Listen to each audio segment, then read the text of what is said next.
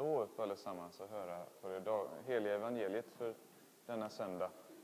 Det står skrivet i Lukas evangeliet. Jesus gick genom städer och byar och undervisade på sin väg mot Jerusalem.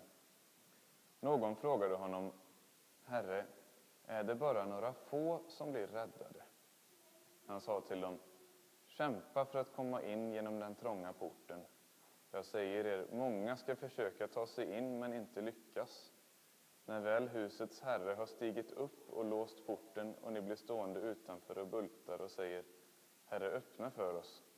Då kommer han att svara, jag vet inte vilka ni är. Då säger ni, vi har ätit och druckit tillsammans med dig och du har undervisat på våra gator. Han ska svara, jag vet inte vilka ni är. Bort härifrån, alla ni orättens hantlangare. Där ska ni gråta och skära tänder när ni får se Abraham och Isak och Jakob och alla profeterna vara i Guds rike medan ni själva blir utdrivna. Om människor ska komma från öster och väster och från norr och söder och ligga till bords i Guds rike. Och då ska sådana som är sist bli först och sådana som är först ska bli sist. Så lyder det heliga evangeliet. Lovad vare du, Kristus. Vi kan sitta ner. En del bibeltexter är svåra att förstå och en del bibeltexter är kärva att ta till sig. Och de här var nog både och, tror jag. Eh, det är lätt hänt att man slutar lyssna någonstans innan, innan man har nått slutet om det blir eh, svårt att, att ta till sig. Men vi ska bena lite, i, i, speciellt i den här evangelietexten tillsammans. Lärjungarna de går tillsammans med Jesus. Det har de gjort länge. Och de frågar honom, är det bara några få som ska bli räddade? Ehm, eh, och Jesus han svarar att eh, kämpa för att komma in genom den trånga porten, säger han. Och sen fortsätter han och säger olika saker och till sist så säger han också att det är många som ska komma från öster och väster och norr och söder och äta och ligga till bords i Guds rike. För de som är sist, många som är sist ska bli först och många som är först ska bli sist. Det är svåra saker att, att förstå riktigt hur det hänger ihop. En sak som jag tror vi nästan alltid gör fel när vi lyssnar på en sån här lite knepig bibeltext så är det att eh, det blir lätt fel för att vi tänker fel från början om Gud. Eh, och då blir allt fel oavsett hur noga vi, läser eller hur noga vi lyssnar i övrigt. Eh, jag tror att ofta så har vi, vare sig vi är medvetna om det eller inte, eller, eller så, så har vi ofta någon eh, uppfattning om, om Gud. En, en liten farhåga så kanske, att Gud är en, eh, en rätt grinig typ som är ganska snål och ogin och kanske egentligen inte vill oss så väl. Möjligen blir Gud nöjd och accepterar oss om vi riktigt, riktigt anstränger oss och förtjänar det Eh, och gör rätt saker och så. Och den tanken den kan finnas kvar i bakhuvudet även om man egentligen inte håller med om den så, att det, eller skulle tycka att det är vettigt att tänka så. Så har man sina sådana här gudsbilder och de, de kan vara sega. Eh, och så har människor tänkt om Gud länge, ända sedan Adams och Evas dagar kanske. För vi människor vi har ett problem med tillit när det gäller Gud. Ehm, och när vi då har det och läser en sån här text och så säger, frågar folk Jesus, kommer bara några få bli räddade? Och så svarar Jesus något svårbegripligt. Då är det eh, lätt hänt att när, när, man lyssnar på det så börjar, man, börjar tankarna gå i bakgrunden att ja, nej men eh, så är Gud, han är nog kanske inte så intresserad av att så många ska komma in genom den här trånga porten. Varför ska den annars vara så trång? Och, och, eh, och egentligen så vill han kanske egentligen sålla bort många så han får bara ha de bästa hos sig eller så. Eh, och då är det, det är lätt att man har liksom sådana här, ungefär som att man har någon sorts eh, glasögon på sig så man ser, ser på det som att Gud är någon sorts grinig gubbe. Man har på sig de griniga gubbeglasögonen när man läser Bibeln. Det har vi ofta. Det ska man passa sig för. Ehm, om man också har en sån föreställning om Gud så är det också så att följden av det blir ju att man är ganska eh, ointresserad av att komma allt för nära Gud. Man tycker inte det verkar så lockande. Man eh, tänker inte att man vill göra mer än som allra mest är nödvändigt för Gud. För att, eh, ja, ungefär som när man hade någon jobbig lärare i skolan Alltså man, om, om, man inte tyckte om. Om man tyckte om läraren så kanske man gjorde bra ifrån sig självmant så, men om det var någon man tyckte var eländig lärare så kanske man möjligen gjorde det som skulle komma på provet och inte ett dugg mer och verkligen inte något för att, eh, för att det är roligt att få lära sig saker eller så. Det, det blir ju inte så då. Ehm, vi kanske ofta har någon sån här sträng lärare, bild av Gud. Ehm, en som letar fel hos oss. Men när vi lyssnar på Jesus när han talar om vem Gud är, och så är det i den kristna tron att om vi vill veta hurdan Gud är, så är det Jesus vi ska titta på och Jesus vi ska lyssna på. För han är den som vet bäst. Han är den som visar oss hur den Gud är. Och han ger oss en helt annan bild. Eh, Gud är ju förstås omöjlig att beskriva. Eh, Gud är ett stort mysterium, ofattbar, mycket större än vi kan föreställa oss, vi små människor. Eh, men när Jesus ska ändå försöka använda någonting i vår föreställningsvärld som funkar för att beskriva Gud, då tar han fram en kärleksfull förälder. Eh, någon som har skapat oss sådana vi är, gläder sig över att vi finns till eh, och har de, har de personligheter vi har, har de talanger vi har eh, som har satt oss här i den här världen för att vi ska få glädje oss över den och njuta av den, förundras över den.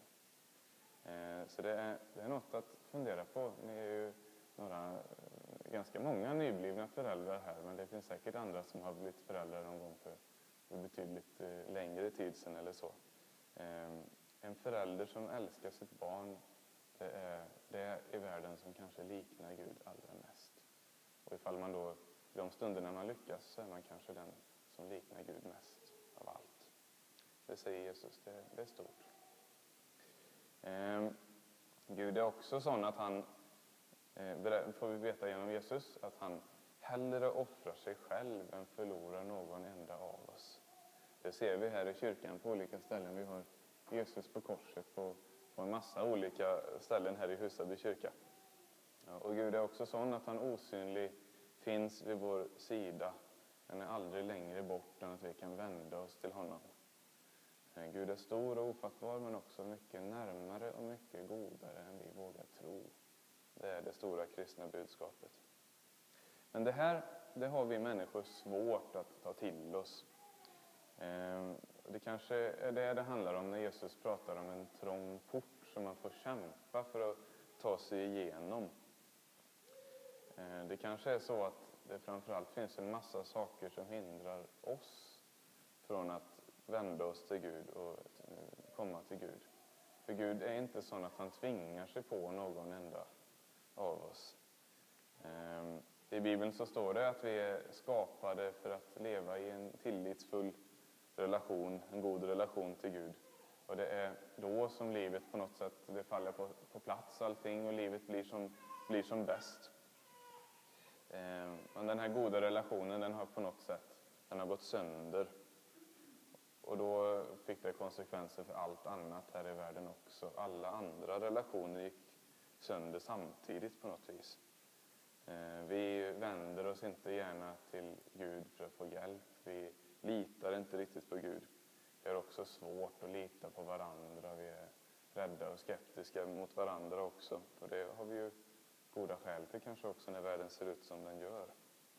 Eh, vi har kanske sällan frid i någon längre stund i våra hjärtan utan vi jagar efter bekräftelse och mening på, även på ställen där vi egentligen förstår att det här finns det inte, vi kan inte hitta det i det här. Det här kan aldrig ge det vi letar efter. Eh, vi kanske inte ens helst vill tänka oss att det finns någon Gud för att om, vi, om det skulle göra det så Eh, så kanske det får konsekvenser för våra liv. Vi kanske måste förändra vårt sätt att se på tillvaron och vårt sätt att leva och det kanske vi inte vill. Eh, det finns mycket som håller oss borta, håller oss utanför den här trånga porten och gör att vi har svårt att vända oss till Gud. Eh, sen finns det också mycket annat, även ifall vi vill och vill försöka älska vår nästa och längtar efter Gud och så, så finns det ändå sånt som håller oss borta. Det är som att vi också är fast i olika destruktiva mönster och, och så som råder här i, här i världen och håller oss fångna så att det är svårt att leva som vi egentligen vill här i livet. Ehm, hela mänskligheten har på något sätt förlorat sin, sin identitet, glömt att vi är skapade till Guds avbild. Ehm, men om vi eh, tittar en gång till på den här bibeltexten och så tar vi av oss de här grinig gudglasögonen så, och påminner oss istället om vem Jesus eh, säger att Gud är, så kanske det ser lite annorlunda ut. Eh, först och främst så får vi lägga märke till att livet tillsammans med Gud, när Jesus ska beskriva det så beskriver han det som en fest, faktiskt. En festmåltid som han vill bjuda in alla till och alla ska få ligga till bords i Guds rike och, och ha, det, ha det fint tillsammans. Eh, Gud är god Gud vill oss väl, vill ha oss hos sig. Gud är källan till allt gott, till livsmod och till livet självt. Eh, det är, utifrån det så är det, det rimligare att tänka att istället för att tänka att man ska ha så lite som möjligt med Gud att göra på något sätt för att han är ändå en sån sur typ, så borde man kunna tänka att ja, men då är det väl bäst att jag söker mig så nära jag bara kan komma. Det borde vara den rimliga slutsatsen. Ehm, också den här frågan om vem som blir räddad kan nog leda tankarna fel, tror jag, för oss många gånger. Ehm, ibland så verkar det så med den kristna tron som att den mest är till för döda människor. Det är liksom eh, som att det handlar mest om att när jag en dag dör, då ska jag få komma till himlen. Eh, det är mycket mer än så med den kristna tron. Gud vill leva i gemenskap med oss redan här och redan nu. Gud vill att vi ska få komma med våra bekymmer, med våra glädjeämnen, med allt som vi brottas med i livet, att vi tar med oss det och kommer till honom. Så vi inte måste bära våra bördor helt själva, utan han får hjälpa oss. Eh, det är inte ett nödvändigt ont att behöva be till Gud, utan det är, det är som ett, eh, ett erbjudande, som en, eh, som en förälder som finns till för sitt barn, ifall det vill vända sig till dem. Ehm, sen tycker förstås föräldrar att när barnen börjar bli lite större och sådär och börjar springa runt och göra farliga saker så brukar föräldrarna tycka att det där, kan ju, det här behöver ni inte hålla på med, det här är dåligt för er och så. Det kan man också förstå, att så är det ju mycket i livet. Eh, Gud vill på alla sätt försöka få igenom så många som möjligt genom den här trånga porten till gemenskap med sig. På alla sätt som finns utom med tvång. Eh, det var därför han blev människa i Jesus Kristus, för att reda upp alla missförstånd och så. Visa hurdan Gud är. Eh, därför han dog på korset och uppstod igen och visade att han är starkare än alla mörka krafter för att ge oss, ge oss hopp i de mörka stunderna.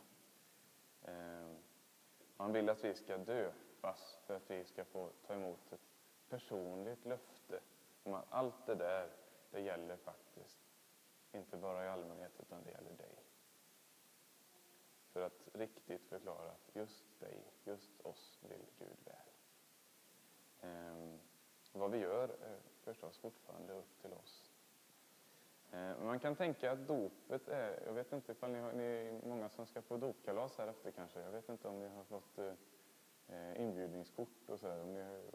Jag brukar vara väldigt dålig på att skicka inbjudningskort om det är för släkt och så, och så tänker jag att de vet ifall de får komma och sådär. Men Det är inte så bra, utan det är bra om man fått ett inbjudningskort. Det har ni skickat, det, det är bra. Då slipper ni skämmas nu när jag säger så här. Eh, bra om man har fått ett inbjudningskort, va? För då, då vet man att, att man är välkommen på riktigt, att man får komma på festen. Eh, så är det med dopet. Eh, den som är döpt vet att till Gud är jag välkommen. Det får jag lita på.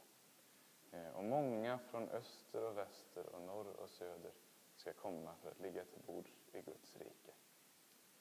Eh, Förfest har vi rätt ofta i kyrkan. Idag så ska vi fira nattvard. Då får man också ta emot bröd och vin som en påminnelse eh, från Gud om att du har faktiskt fått en inbjudan, du är välkommen här. Ta emot det på nytt. Jag, jag vill ge det här till dig. Jag vill ha gemenskap med dig. Äta tillsammans är ju stark eh, sak när det gäller gemenskap, det vet vi. Så är det då snart eh, dop här idag för Isabelle också.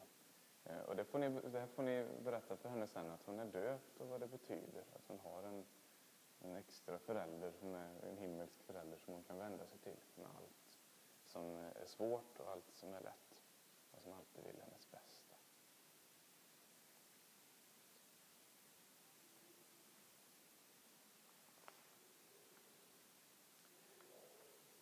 Vi får sjunga psalm 6